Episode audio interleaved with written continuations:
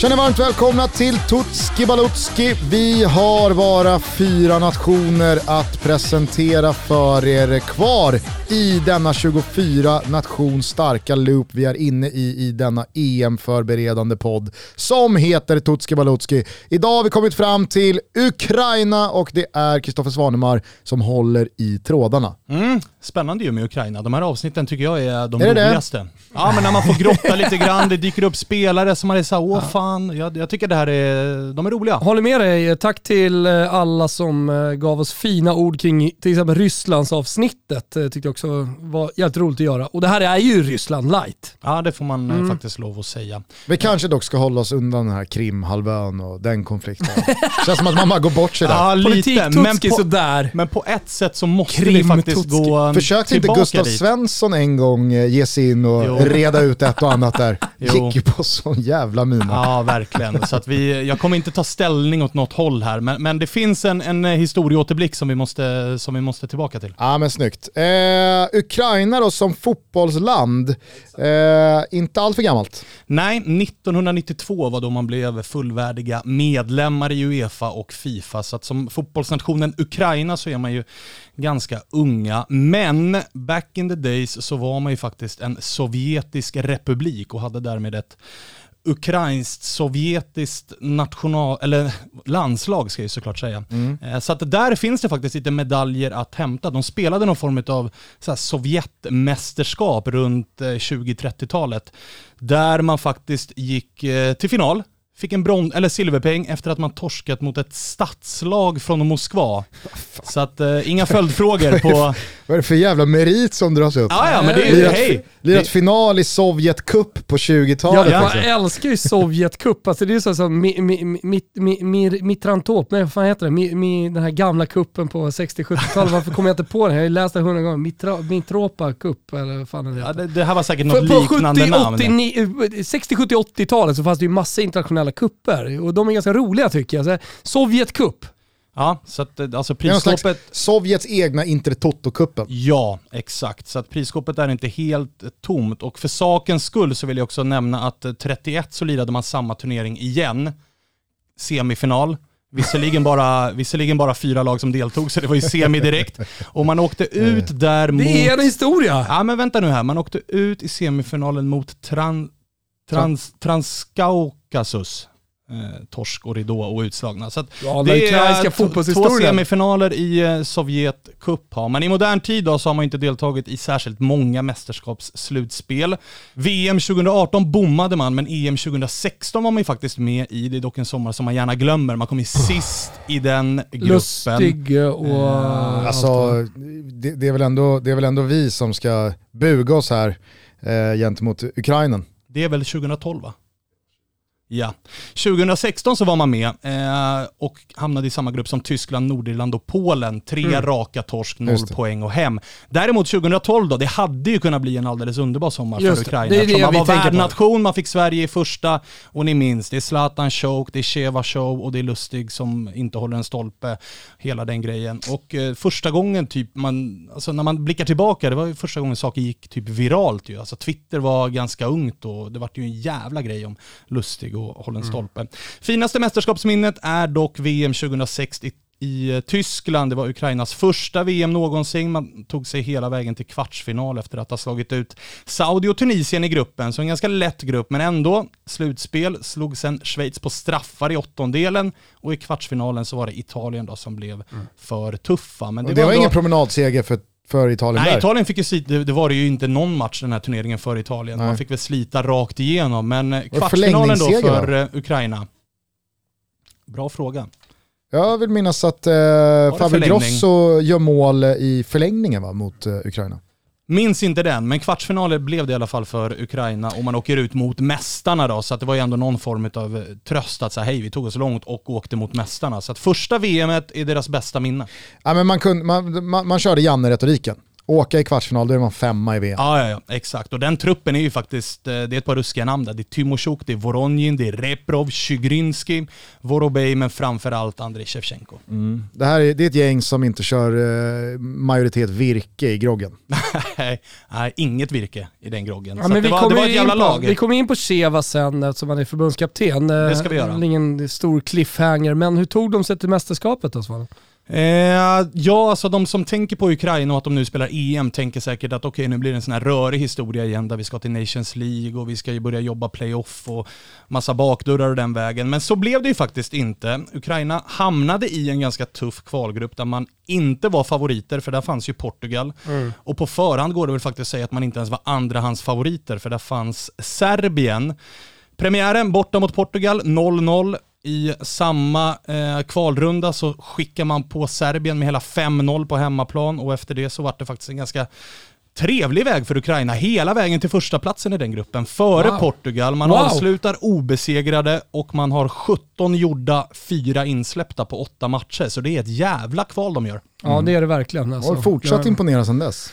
Har man ju lite koll på den här truppen, va? vi kommer väl in på det, men eh, det mittfältet skojar mig ju verkligen inte bort. Herregud vilka spelare. Ja, vi ska komma in på den. Imponera vet, ja hyfsat i Jag tyckte de var riktigt bra mot Frankrike här senast. Just ja, exakt, exakt. Men det blandades och gavs i det senaste VM-kvalet ska sägas. Däremellan mm. hamnade ju med Nations League och det minns ni från Schweiz-avsnittet. Det vart ju till Gugges stora glädje en VO-torsk för Ukraina, vilket gjorde att man åkte ur och Schweiz blev kvar. Men man tog sex poäng i den gruppen. Så det, det, får väl ses som helt okej okay då med tanke på att Tyskland och Spanien var övriga två motståndare. I VM-kvalet som du var inne på Gusten, Frankrike, kryss men också kryss mot Finland och Bosnien, vilket gör att det var den där, och första matchen var ju den mot Frankrike, så då tänkte ju Ukraina igen att nu jävla kör ja, men vi. Men sett i EM-kvalet också, att uh, här, ja, där här inledde man också göra med, någonting. Där inledde man ju med kryss mot Portugal, precis samma sak här, kryss mot Frankrike. Jag vet inte om det är en eh, rubel, men uh, jag säger ju att uh, Ukraina tar andra platsen i den VM-kvalgruppen redan här och nu. Fan vad du, fan vad du föregår Svanens tankar här. Men det här är ju, han snackar ju om VM-kvalet, han ska VM med rubel i VM-kvalet. Ja, är du med? Jag fastnade lite på det här med tre oavgjorda det där VM-kvalet, för det är alltid lurigt eh, och, och förrädiskt när ett lag eh, spelar tre kryss. Mm. För då är det så här, är glaset halvfullt och man kan konstatera att man är obesegrade? Eller är glaset halvtomt och man landar i att ja, man är segerlösa? Man vet ja, liksom alltså, inte riktigt eh, vilken fot man ska stå på. Nej, och med tanke på att man avslutar, man inleder med kryss mot Frankrike, då är det ju eufori. Det är så här, den här gruppen kan vi vinna igen, men man avslutar med kryss mot Kazakstan. Och då är det ju inte lika kul. Nej, så är det. Så är det. Och så däremellan bara... Finland kryss. Så att, ah, jag, jag, vet inte hur man ska tolka det kvalet riktigt. Jag ska bara rätta mig själv Jag gick in och, och, och tjuvkikade. Italien, de, de pulveriserade ju Nej, men jag, Ukraina i, i kvarten där med 3-0. Det var ju Australien de hade problem med. Nej, men jag tror att jag tänker, det är väl Grosso som gräver fram då en sen kvittering i semifinalen mot Tyskland va?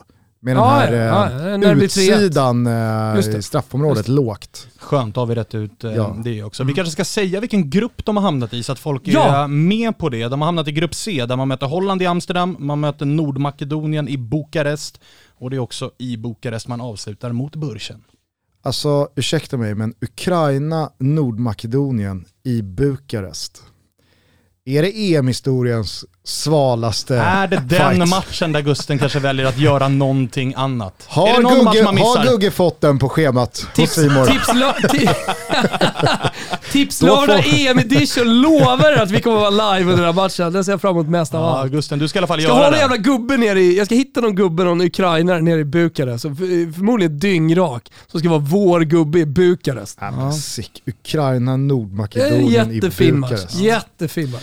Inte ens den fick man kommentera tänkte jag säga. Men vi gnuggar på, vi gnuggar på, vi gnuggar på. Jag kommer se den matchen, det kommer bli eh, spännande. Nordmakedonien har vi snackat upp, så det, blir, det blir kul. Ja, herregud, vad fan, man kommer inte missa en uh, minut av nej, nej, nej. EM. Ja, nej, men... säga, alltså, det har jag och Thomas alltid sagt, gruppspelsfasen under ett mästerskap. Alltså det, är det de bästa veckorna eh, på då, ja.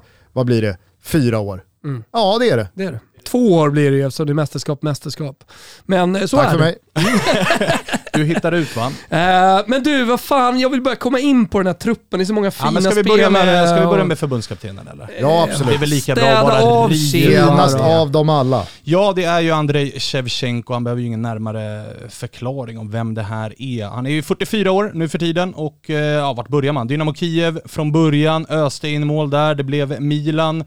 Över 100 mål i Milan-tröjan på över 200 matcher. Vi glömmer väl kanske lite grann då halvsvaj i avslutningen i Chelsea och den smådeppiga retornon i Milan, men han fick ju avsluta fint på mammas gata hemma i Kiev och öste ju faktiskt in ett par kassar i Dynamo Kiev innan han hängde skorna i björken. Tycker det är viktigt att förmedla till yngre lyssnare eh, vilken otrolig världsspelare Andrei Ja, jag tänkte Shevchenko komma var. till att det här är ju en av de bästa niorna man har sett sen fotbollen tog steget och blev modern, om man får säga så. Alltså sen Champions League började rulla. Det här, är, det här är bland det jävligaste man har sett. Ja, det är tveklöst så. Kanske bäst i det Milan som var bäst i världen. Ja, ja definitivt. definitivt. Det är ju såklart eh, fullständigt eh, älskad. Ja, och för de yngre lyssnarna, det är bara att och in på YouTube och ni kan lätt bränna en timme eller två och titta på hur det såg ut när Ja, han vilken bombade in kassar i Milan. var. Ja, det var... Bortre stolpen. Ja. Den, där hittar han maskan jämt. Lite roligare då som inte alla har koll på är väl kanske vad som har hänt med Sheva efter karriären. För Ja. där var det ju många, han pratade ju om att han ville bli tränare, men vad var det då han gjorde när han la skorna Politik på eller? hyllan? Ja, det var ju rätt in i politiken, typ samma månad som han han, annonserade Svensson? sitt eh, avsked. Det var sossarna i Ukraina som gällde, fråga mig inte om partipolitik där. Vi har ju lärt oss av Gustav Svensson att inte börja, börja jiddra i de regionerna. Men hans parti gick ju åt helvete första valet, fick 1,5% och sen sa Sheva tack och hej. Det vart ingen... En Ja, annan, en annan Milan-legendar, två andra Milan-legendarer lyckades ju bättre med den politiska karriären. Vi? George Weah är väl eh, kung av... Kaka eh, Kaladze och George Weah. Ja, Kaka Kaladze är Georgien och sen eh, George Weah är... eh, Liberia. Li, Liberia, precis. Libyen, det är något helt Nej, annat. jag Ah, skulle inte nej. säga Libyen. Fan, det, det är ju... Det Du har vi säga never forget. Liberia. Liberia. Nej, och han var ju alltså, alltså värt att nämna här att han, han eh, skrevs ju upp som alltså, vice. Han var näst över partiledaren, så att han hamnade ju högt i det här partiet redan från början. Men det är Jo men alltså, det, var, det, var ju, det var ju uppenbarligen ett parti som tog 1,5% av Exakt, rösterna. Så att det, så det, det- det är som att eh, Ragge gick in i Piratpartiet eller något när de hade Hej, Uppenbarligen. Det hade fan Uppenbarligen. skrapade ihop en procentenhet och sen så såg man dem aldrig igen. Ja, uppenbarligen blev det så.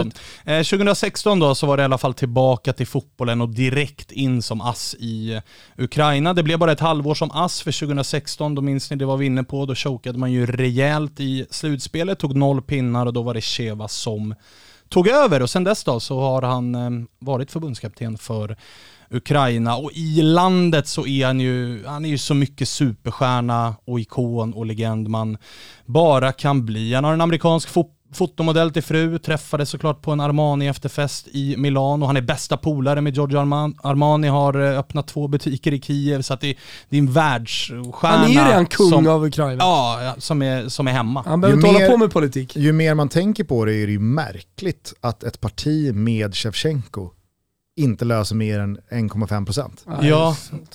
Lite så, men återigen, jag vill inte ge mig in i... Nej nej, jag säger bara det känns som att ifall Sheva och Sergej Bubka hade slagit sina påsar ihop så hade de ju kunnat ta över hela Ukraina. Ja. Ja, ja. Så är det. Men det är i alla fall förbundskaptenen. Där råder det ju inga tvivel om, om att vi har koll på läget va? Nej, så är det. Vi gör detta Tutski Balutski avsnitt i samarbete med Telia. Och Telia, ja, de har Sveriges bästa sportpaket. Det har ni ju lärt er vid det här laget. Med Simor och Viaplay samlat får man nu alla matcher från de största ligorna samlade i ett och samma streamingpaket, Gusten.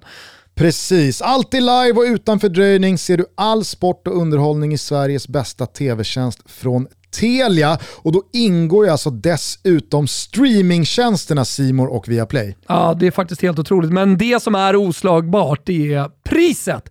499 kronor i månaden. Det betyder inte bara, märk väl, att all sport finns där. Utan det finns filmer och det finns serier. Alltihopa ingår som något för hela familjen att titta på. Hade man lagt sina vantar på Simor och Viaplay separat så hade man fått pröjsa 469 kronor i månaden ytterligare ytterligare. Så genom att köpa Telias sportpaket så sparar man in en rejäl slant. Ja, gör det nu. Gå in på telia.se sport så får du allt samlat på ett ställe. Simor och Viaplay. Stort tack till Telia. Stort tack Telia. Snackisen kanske ni undrar? Ja. Vad vi kan hitta för någonting. Vad du hittar i de ukrainska medierna. Nej men det är faktiskt eh, sportsligt som vi behöver fokusera här för att det finns faktiskt en ganska stor snackis som påminner en hel del om våran egen snackis här hemma i Sverige. För synar vi den här truppen lite grann lagdel för lagdel och spelare för spelare så finns det faktiskt en hel del kvalitet. Vi kommer komma till det lite längre fram.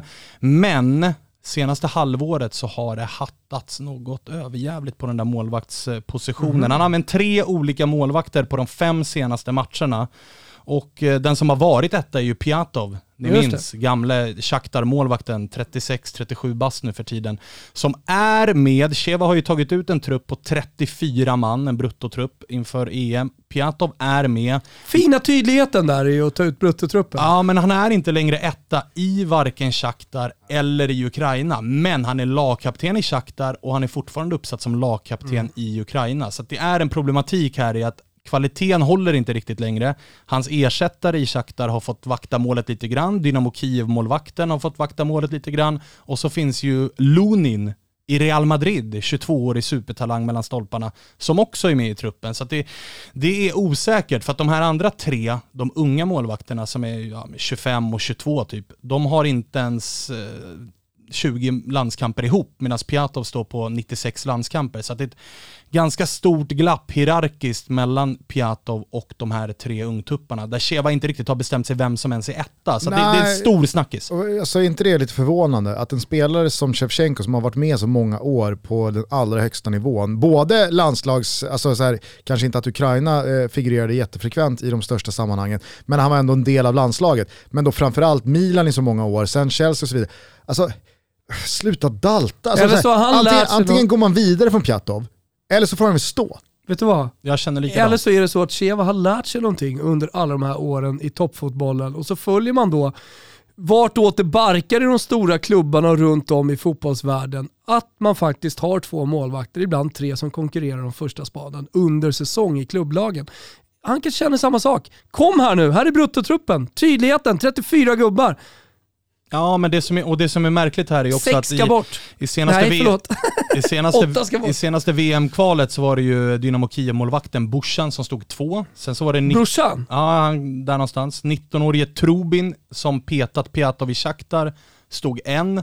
Men utav de här tre så är det Lunin, Real Madrid-målvakten, som har stått flest landskamper. Så det, det är ett jävla gissel han har att reda ut här, Shevchenko, inför eh, sommaren. Ah, ja. Ja, eh, för alla er som inte kan er Pjatov så kan vi väl i alla fall eh, hälsa att det är en gubbe som har tvålat in ett par bollar, som har stått för ett par Rembrandts och ett par rejäla felbedömningar genom åren. Verkligen. Det är det, men det är också en målvakt som har mer eller mindre prenumererat på gruppspel i Champions League, Europa League och som sagt alltså, närmar sig 100 landskamper för Ukraina. Så att det, en- och det vet vi med målvakter, erfarenhet är ju faktiskt en egenskap att inte underskatta. Så att det blir jävligt intressant att se vad Sheva bestämmer sig för. Ja, det blir spännande. intressant. Mm. Eh, vem är då MVP? För det misstänker jag att eh, Pjatov eh, inte är.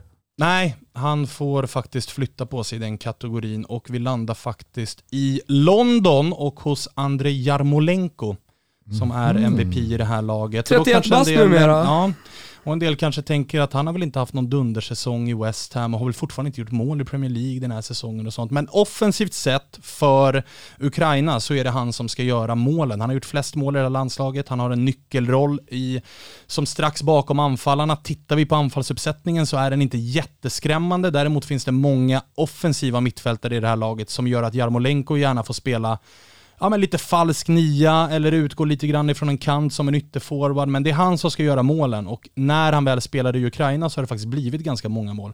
Han snittar, eller han har ett väldigt fint snitt i Ukraina så att han, han får stort förtroende utav Shevchenko och eh, ska de nå någonstans det här mästerskapet så måste Jarmolenko ha en bra sommar och det kanske är till hans fördel lite grann att han inte varit 100% ordinarie och spelar 90 vecka ut och vecka in i West Ham. exakt, han känns han som en kommer ganska, mästerskapsgubbe. ganska utvilad utvilad och, kommer, och har alltid ett stort självförtroende när han spelar för Bästa Ukraina. åren, 31 år, kommer till ett mästerskap med sitt Ukraina. Gjort 38 mål på 92 matcher. Hej! Jag säger Jarmolenko kan bli EM-kung. Det är ju få spelare, vågar jag påstå, i sommarens mästerskap som har eh, ett större glapp mellan lägsta nivån och högsta nivån som Ja.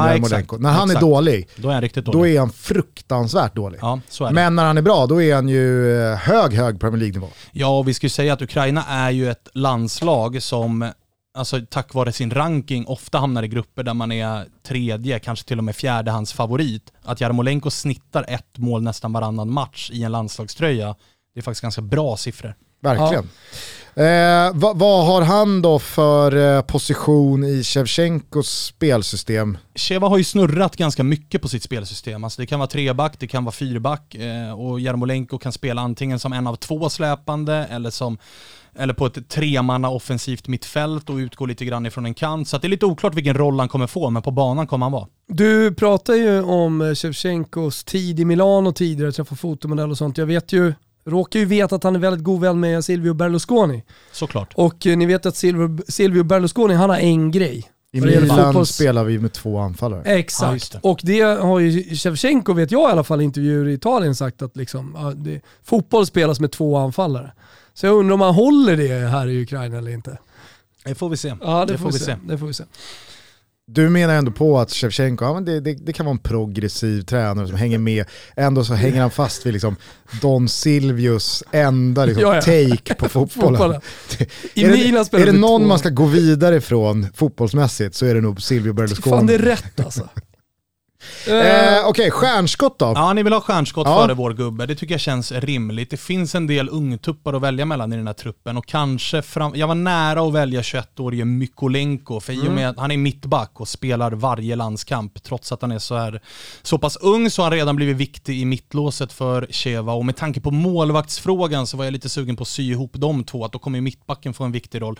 Men skit i Mykolenko, vi måste få in Oleksandr Sinchenko här. Eh, Som ju ja, är ja. 24 bast, det är väl kanske lite grann på gränsen åldersmässigt då, men han är trots allt en ganska stor del av Manchester City. Han får ganska mycket speltid och i Mendys eh, skadesituation så har det blivit eh, ja, men mer än vad kanske Pep har velat. Men Sinchenko, jag gillar ju inte Sinchenko, det ska jag direkt räcka upp handen och säga. Att Plus det, är, en. det är någonting med, det är, lite, det är en liten Jordi Alba över honom, att det är jiddrigt och han känns ju som en sån här kille på skolgården som hänger med de tuffa och vet om det. Så att när det jiddras så är han först fram för att han vet att jag har backup. Det är Mm. inte direkt så att det är han som har lett City till en Champions League-final.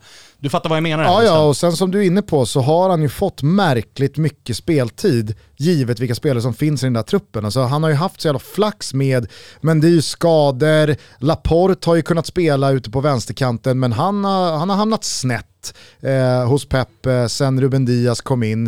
Eh, där, där fanns ju Danilo men han lämnade och hamnade i Juventus. Cancelo kom in men har snarare blivit någon slags inverterad eh, ytterback som håller till centralt. Så att hux flux har det bara liksom banat väg för Sinchenko än en gång. Ja, Fattar och när man, såg, hur. när man såg den här äh, dokumentären om City också, det var inte så att ens intryck förstärktes av Sinchenko, han känns ju ganska osympatisk. Men hur som helst, det är ju, det är ju ett stjärnskott, det, det får vi lov att säga. Det är en 24-åring från Ukraina som, han plockas ändå utav, eller utav City som 19-åring och slår sig ju faktiskt fram och får en hel del speltid. I detta Ukraina ska nämnas så är det ju inte en ytterback vi pratar om, utan det är en offensiv mittfältare. Ja, det blir någon slags eh, David Alaba-situation Ja, här eh, det. på Det Sinchenko i Ukraina. Okej. Det blir det. Och det var väl så han värvades till City, som en offensiv spelare som Pep har skolat om lite grann. Till, Som Pep gör. Ja, men till, till eh, wingback ute till Mm. vänster i stort sett. Eh, Så att, det, men i det här landslaget så är han viktig. Är det någon som kommer ihåg bilderna på när Sinchenko friade till sin oerhört mycket lite. snyggare eh, flickvän? Inte Eh, helt oväntat. Nej, alltså jag vill inte vara sån, jag vill inte vara för hård mot Alexander Sin- Sinchenko här, men han och hans tjej spelar lite olika divisioner Så. eh, utseendemässigt. Men då Sinchenkos frieri, eh, det är ju då, eh, det var väl ute på en plan, alltså ute på en fotbollsplan, Ja, exakt. i mittcirkeln. Eh, och så är det ett eh, fång med, är det tusen rosor? Ja. Nej men alltså det är, det är liksom, Det är ryskt. det, är- det, är- Det är ryskt. Och så knäppar med fingrarna in kommer liksom eh, hundra Bondmodeller med, med liksom kristaller och, kaviar och och kaviar. champagne. Mm. Ja, nej, jag vet inte. Det är... Ah, jag, jag, jag tycker att det är, det är härligt på något sätt. Det blir väldigt så här Kokorin-aktigt. Jag, jag gillar det. Ja, ja. Ja, ja. Eh, ja, men eh, okej. Sinchenko, stjärnskott. Hur ska du då drib dribbla dig från Atalanta i detta avsnitt? Jag undrar bara Ja, det. det finns ju två spelare där att välja mellan. Men Jag det säger är bara skönt att sticker ut. Sinchenko inte är vår gubbe. Ja, det, var, det är där verkligen var, inte vår gubbe. Det var aldrig nära. Jag vill ju ha Marlos. Alltså man gillar ju Ukraina. Shakhtar Donetsk tar ju alltid in massa brassar. Så är det. Eh, och, och sen har ju Ukraina liksom eh, eh, slagit mynt på det och själva då värvat den här Marlos, brassen som, eh, som spelar i Shakhtar. Även, de hade ju även han eh, Junior Moreus i. Dynamo Kiev som inte fick plats i truppen. Men Ah. Marlos är med, men han är inte våran gubbe. Tog de inte han eh, gamla brassen från Arsenal Men som? Qatar gjorde inför handbolls-VM. Eduardo... Kroatien va? Ja, det var Kroatien som tog det. Ja, ja, ja. Han var ju. Dinamo han som Zagreb så. Satan vad bra han var där in, inför att han Ja. bröt benet och allting. Ja, det, det ville sig inte för honom, men, jag tänkte bara, det, det, det är ju som Qatar gjorde på det mästerskapet du var. De gick väl och vann det VMet i Qatar Nej, dessutom. torska final. Torskade om finalen, vad skönt ändå att de gjorde det. Men det var, inte, en- det var väl inte en Qatar? Ja, det var väl typ 4-5 bänkvärmare Ja. som hade katariskt medborgarskap. Annars var det ju bara gamla ex-juggar och spanjorer och, Och brassar. ja, Ja. sydamerikaner. Ja, ja, men eh, ge oss Ma- eh, Malinovski här nu. Ja, för det är ju våran gubbe. Det var kärlek vid första ögonkastet. I alla fall från min sida, när man för första gången fick stifta bekantskap med Malinovski i Atalanta. Det är ju dessutom lite av en late bloomer. Tillhörde ju Shakhtar ganska länge, men var utlånad i massa olika sessioner och det var väl i typ Sorja Luhansk som man fick eh, lite av ett genombrott. Gick sen till belgiska skänk och där hittade ju Atalanta Det är honom. som alla, den jävla skänk alltså. Fan vad händer när- när spelarna kommer dit? De blir superbra direkt. Ja, möjligt Alla att det är så. svenskarna. Ja, precis. Jag tänkte framför allt i det här, eh, i det lilla segmentet nämna att Atalanta nog, äh, har de världens, kan vi slå fast att de har världens bästa scoutingverksamhet? Ja, men de, Det är Leicester just emot. Ja, det är väl de två då som kanske ger upp om det. Men eh, de hittar i alla fall honom. Han kommer till Atalanta och får väldigt lite speltid i början, precis som alla får när man kommer till Gasperini. Att Det det, tar tid att lära sig det där systemet. Och Atalanta har ju gått som de har gått, alla vet om den framgångssagan och många trodde ju att det var över för Atalanta i vintras ju, när Papu Gomes, stora stjärnan, lagkaptenen, den offensiva fria rollen och allt vad det är, när han bråkar sig bort och Ilicic deppar ihop så trodde ju folk att det var över. Men in har Ruslan Malinovski kommit och som han har tagit Serie A med storm. Han toppar när vi spelar in det här assistligan i Serie A och då har han bara varit ordinarie i typ ett halvår. Han har på de tio senaste matcherna när vi spelar in det här gjort 15 poäng. Det är siffror i en Hyfsad liga form som man kommer till ett mästerskap med. Så att, ja, han kommer i en ruggig form och det är ett sånt självförtroende och så har vi också det där distansskottet. Det är Exakt. fan i mig det hårdaste jag sett. Det är ju en egenskap som eh, man fortfarande smälter för. Ja, De är som så. kan lossa den stora Där har ju bössan. 60-talisterna rätt. Ja, ja, alltså de kommer Skönt. falla, de kommer falla pladask för Ruslan Malinovski. Ja. Nej, han, han, det, han skjuter ju som en jävla häst alltså. Ja, det är löjligt. men eh, hur har han gått eh, landslagsmässigt? Alltså, är, är, är det liksom megakugge? Ja, det har blivit det Ja. senaste året. Sen genombrottet i Atalanta så har det blivit supergiven. Annars har det varit Sinchenko, det har varit Jarmolenko, det har varit Konoplyanka på det där offensiva Lever, mittfältet. eh, Ja, ja. lever eh, Konoplyanka? Ja, ja, ja, ja, ja. Han är kvar och gnuggar. Sick, Han är kvar. fint genombrott. Det var väl Gnaget va, som hade Dnipro, Dnipropetrovsk Jajamän. eh, i Europa League 2012. Jajamän. Och man, eh, Man stift- stiftade bekantskap med eh, Konoplyanka för första gången. Man Jag kände svepte det här. ju för, eh, för eh, Discovery på den tiden. Eh, Och då var det ju många gånger man nämnde Konoplyanka. Ja, Fint namn och nämna ett svep också. Han var bra, men det blir nog bänk här för honom i och med att Sinchenko, Jarmolenko och Malinovski nog ska ha platserna på det där offensiva mittfältet. Och eh, Malinovski, så som jag har sett Ukraina ställa upp på senare tid så är det, det är en nummer 10 position. Han ska vara centralt, han ska styra det offensiva spelet, han ska skjuta så fort han bara får läge att skjuta. Och det gör han ju gärna, vi har ju sett det i Serie A, det kan vara 40 meter. Det är, finns läget så då trycker han av. Vad heter ljudbokstjänsten med över 200 000 ljud och e-böcker? Ja, kom igen, det är Bookbeat. Yes, och vi är sponsrade av dem. På bookbeat.se så kan ni förlora er i all möjlig typ av litteratur. Men i just Tutski Balutski så slår vi givetvis slag för fotbollstitlarna. Vi tycker att det är en perfekt uppladdning inför EM att lyssna på landslaget enligt Lund, men tror fan jag har hittat en riktigt jävla bra bok här Gusten. Ah, jag tror inte du hänger med. Blågult heter boken. Historien om Sveriges landslag i fotboll från den första landskampen 1908 och framåt. Givetvis också förgylld med lite klassiska radioreferat även den här boken. Nej men det är ju perfekt. Alltså lär er allt om gul och gul och som även kallas blågult genom att lyssna på titeln Blågult just av Jesper Högström. Har man med sig den och landslaget enligt Lund in i mästerskapet i sommar, ja, då kommer man i alla fall inte gå bort sig vad gäller den svenska fotbollshistorien. Nej, och vet du vad som är bäst av allt Gusten? Nej, det är att det just nu är en månad gratis prova på och man får lyssna på så många böcker man bara vill. Man använder koden TOTOBALOTTO i ett ord och så får man alltså BookBeat i en månad helt gratis. Bara lyssna på på de här titlarna vi har tipsat om. Koden gäller alla nya BookBeat-användare, tänk på det. Gå in på bookbeat.se och kom igång direkt. och hörni, kom ihåg att BookBeat är kompatibelt med Apple Watch, så nu behöver du inte störas av telefonen på löpturen, promenaden eller när du tar det lugnt i soffan, utan du kan lyssna på din ljudbok direkt från klockan. Gå in på bookbeat.se, Toto Balotto är alltså koden. Vi lyfter på hatten och säger stort tack till BookBeat för att ni är med och möjliggör Tutski Balutski. Stort tack! Men eh, nu har vi ju varken haft någon MVP, något stjärnskott eller vår gubbe från de eh, allra mest offensiva positionerna. Vi har tre segerlösa VM-kvalmatcher här från i våras. Är det så att man ändå har liksom offensiva problem, man saknar en, en, en killer längst fram? Ja, det får vi lov att säga. Man har tagit ut, alltså i den här stora, stora truppen så har man bara tagit ut tre anfallare. Eh, uttalen får ursäkta här, men Jaremchuk, Besjedin och Dovbjuk är anfallarna som är uttagna. Han är ju från Den Dnipro, har- Dnipropetrovsk, den sistnämnda. Ja, precis. Och eh, ja, men den som har bäst målsnitt i landslaget, det är Jaremchuk som har sju mål på 22 matcher. Spelar i Gent, inte Schenk. Inte det bättre av de två belgiska Nej lagen. men precis, och det är, det är inga namnstarka anfallare och det är heller inget super-CV på någon utav dem. Så att det är klart att det även är... Men relativt unga. På Chevas position så har man ju absolut ungefär likadana problem som man har i målvaktsposten. Fan, Så ju- längst fram och längst bak, där är det frågetecken, men däremellan ser det faktiskt ganska bra ut. Det är bara att snöra på sig pjucken för Sheva och teama upp med Malinovski och gubbarna, Jarmolenko. Ja, Helvete. han hade ju, en pyts hade han gjort. Eh, hur har du tänkt rubelmässigt då?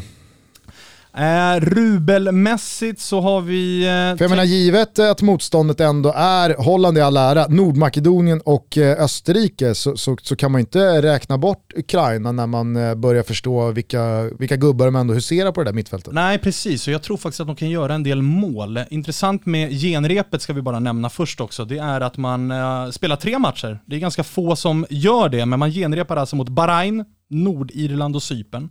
Så tre matcher, så att det ska...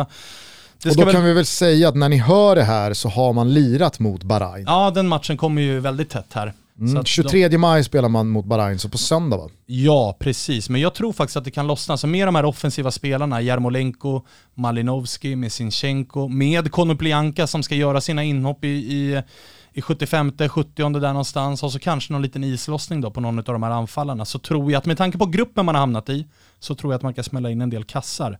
Jag eh, är lite vågad och lägger mig på fem mål minst. Så över 4,5 mål. Oj, oj, oj. Eh, kan väl vara värt att påminna då eh, alla om att den här Bahrain-landskampen lär väl spelas med typ bara ukrainska, alltså hemmahörande spelare och kanske ryska då. Den ligan har väl också gått i mål för att alla andra europeiska ligor avslutas ju i helgen så att Malinovski och gänget de, de, de tillhör ju Ja, i ja, ja, helgen. ja, så det här kommer bli, det är lite av en tidig januari-turné eh, får vi säga. Att det blir liksom En bi- mini, en mini januari-turné Ja, exakt. spränger det de blir, in det här. blir eh, Ja, mysigt. Hemmalandslaget som får spela den matchen. Men eh, ja, jag tror att man gör en del kassar. Alltså, vi ska ju säga att man möter Holland, där van Dijk är borta. Eh, så att, jag menar, det, det är defensiva avbräck och sen så hade man ju eh, övrigt i gruppen Nordmakedonien och Burchen. Så att jag menar, inte helt omöjligt ändå att Ukraina kan skrälla lite här. går Men är målspelet pur gruppspelet eller är det här för Ukraina i turneringen? I turneringen. Okej, så att skulle, man, skulle man få med sig resultaten poängmässigt då, då ger man sig själva möjligheten att på fyra matcher göra totalt över 4,5 Ja, ja, och jag menar, jag menar en liten islossning mot eh, Nordmakedonien och man kan absolut gå vidare från den här gruppen som bästa trea. Det räcker med en riktigt bra insats här. Och, Ja. och, men jag, jag siktar på att det här är stängt redan i gruppen. Jag sitter lite tillbakalutad här och myser med det här spelet och känner liksom starkt för det. Och tänker bara Ruben! När jag hör det. Det är ett fint spel. Eh, tre gånger pengarna får man på Ukraina över 4,5 mål Ja. i turneringen. Papp, papp, om man är över 18 år fylld. För Mm. det är bara då man får spela. Och stödlinjen.se finns om man har problem. Alltså även fast man inte är 18 år fylld så är ju oddset tre gånger pengarna. Men man får bara inte, man Man får får inte spela, spela så det. det, det finns ju inte ens. Så att visst, oddset kan vara det, men det finns ju inte för någon som är under 18. Nej, så är det. Eh, Betsson.com, godbitar och boostade odds. Där hittar ni alla våra rublar och som Thomas eh, precis sa, stödlinjen.se finns öppen dygnet runt för dig eller er som upplever att ni har problem med spel. Eh, bra genomgång av Ukraina Svanen. Det var, ukrainarna får ursäkta, det, det sista liksom eh, blåbäret eller eh, lite, lite, mindre... Men känner inte ni att man, man ser fram emot att jobba vår laget. gubbe? Alltså vår gubbe mot Burschen till exempel. Det kan ju hända hur mycket som Ja, helst. och alltså det är, man ska inte underskatta det här Ukraina. Alltså, de har skinkat på Serbien med 5-0, de har spöat Portugal hemma, kryssat borta. Nyligen ett kryss mot Frankrike, så att jag menar, underskatta inte Ukraina. Nej, Nej, det ska vi inte göra. Kul också med, eh, alltså det, det, är en ganska, det är en ganska stor mängd gamla storspelare som är förbundskaptener eh, i det här mästerskapet. just det. Alltså Deschamps, eh, vi har Mancini, eh, Shevchenko, Paolo Sosa ska väl nämnas här. fina Paolo Sosa. Så han har dubbla CL. Luis Enrique, Ja, helt okej han också. Gareth Southgate. Det, det, mm, ah. ja. Så. Nah, En sak som jag har problem, han jobbar in den. lilla problemet Frank jag har... Frank de. Boer. Jo. Lilla problemet jag har med Ukraina när allting drar igång, som gör det svårt för mig att verkligen omfamna det, det är ju tröjorna. Ja, alltid så jävla liksom... Eh, Östeuropeiska. Ja men så här östeuropeisk... Dålig passform. Division 2, norra Svealand, åker till La Manga, skramlat ihop. Jag var också inne och kikade bara på, liksom, eh, på någon sajt där man kunde se alla tröjor och Ukraina är ju typ de enda som inte har en sponsor, en tröjtillverkare de, som man vet vad det är för någonting. Ja, men de har ju kört Adidas ganska många år Ja men de har senaste. bytt nu till ja, något okej. såhär, jaha. Men det man i alla fall vet det är att liksom, första stället det är helgult, borta stället det är helblått. Inga utsvävningar, inga roliga detaljer, Dålig ingen, ingen som har tänkt till. Det är inga liksom, det, det är bara plain trist. Ja, den köper jag. Eh, härligt hörni, vi eh, hörs imorgon igen. Då är det onsdag den 26 maj och det är dags för mig, ja, tillsammans med er två då, att eh, gona ner oss i Jan Anderssons Gulo Gulo. Oj. Fan vad mäktigt. Det blir ett roligt avsnitt att göra. Ja, det blir sanningen. Vi hörs då, ta hand om varandra, ciao tutti.